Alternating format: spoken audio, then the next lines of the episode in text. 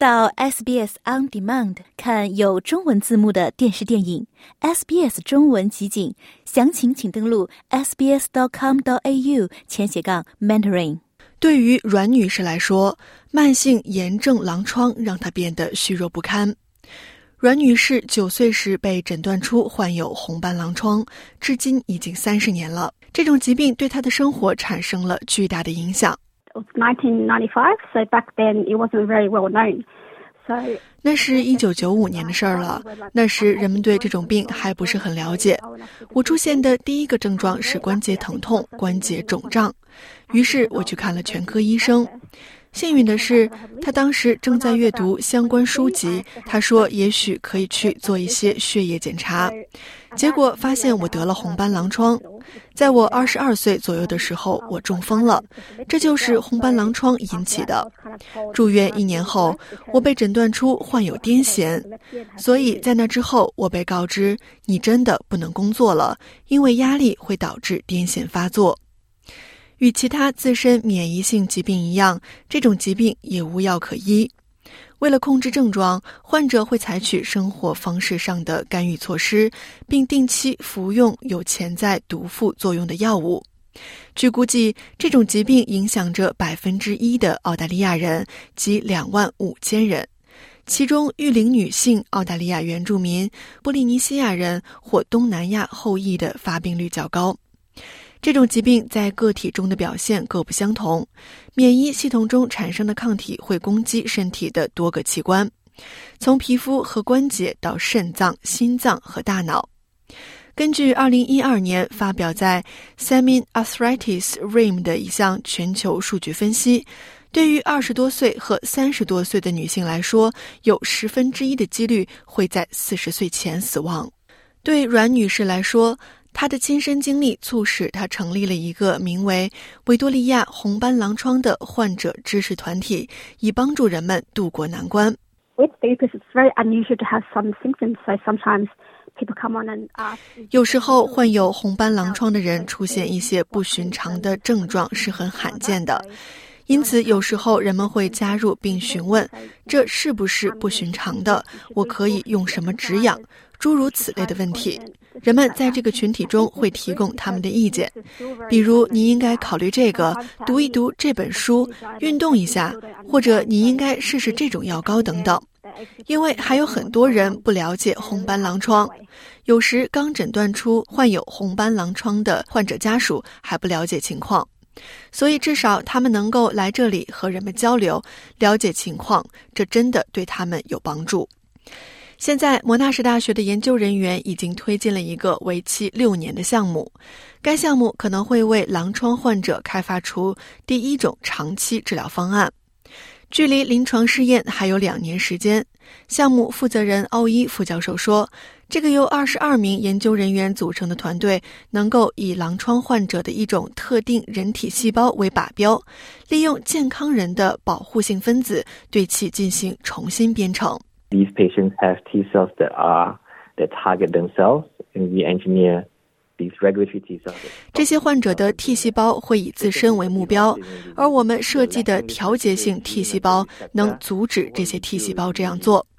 患有这些自身免疫性疾病的患者缺乏这种特定的基因或受体。因此，我们要做的就是取出这些细胞，重置它们，在它们身上植入正确的受体，然后基本上修复免疫系统。因此，我们给免疫系统来了一次重置，就像软件升级一样，让一切正常运转。研究小组能够利用2012年在莫纳什大学建立的澳大利亚狼疮登记和生物库的资源来测试这一想法。这种方法是利用试管中的患者细胞开发出来的，然后利用小鼠在临床前模型中进行了测试。奥伊副教授说，下一阶段，科学家将在十到二十名澳大利亚患者的临床试验中检验该方法的性能。Proof will happen when we actually do the clinical trial. I mean. 证据将在我们实际进行临床试验时得出。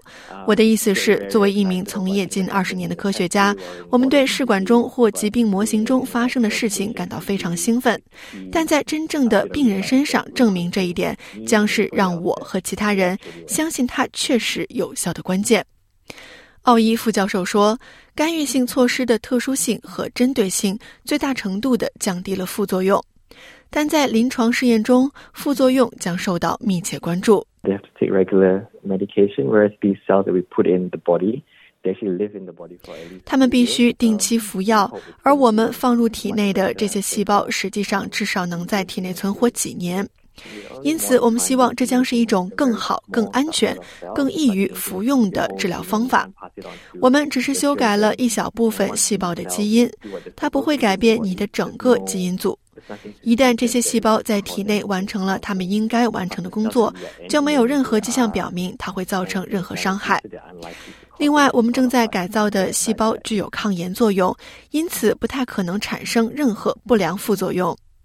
这项研究成果发表在同行评审期刊《自然通讯》上。该研究的合著者埃根惠增说：“这种方法具有真正的潜力，可以用于治疗多达一百种其他自身免疫性疾病，包括糖尿病、类风湿性关节炎和多发性硬化症。” This new pipeline that we've uncovered to find these protective molecules can then be used to 我们发现的这种寻找这些保护性分子的新方法，可以用于针对每种疾病，找到针对每种疾病的受体，并将其置于细胞之中，以恢复这些患者缺乏的免疫系统平衡。目前，我们正在针对其他自身免疫性疾病进行早期开发，寻找针对这些疾病，比如一型糖尿病和炎症性肠病的保护性分子。昆士兰贝格霍菲尔医学所的麦凯教授没有参与这项研究，但他说，临床试验结果还需要进一步验证这种方法。但在研究中对特定患者细胞进行测试意义重大，比起目前同时破坏免疫系统中坏细胞和好细胞的治疗方法，这是一种更好的解决方案。I think it's very exciting. It's actually a very good study. 我觉得这非常令人兴奋，这实际上是一项非常好的研究。我会告诉你原因，因为你必须回到当前红斑狼疮治疗的情况，而那些治疗方法总是被称为非常粗糙的工具。他们旨在抑制炎症，但在免疫受损的患者身体上却以一种非常不加区别的方式进行。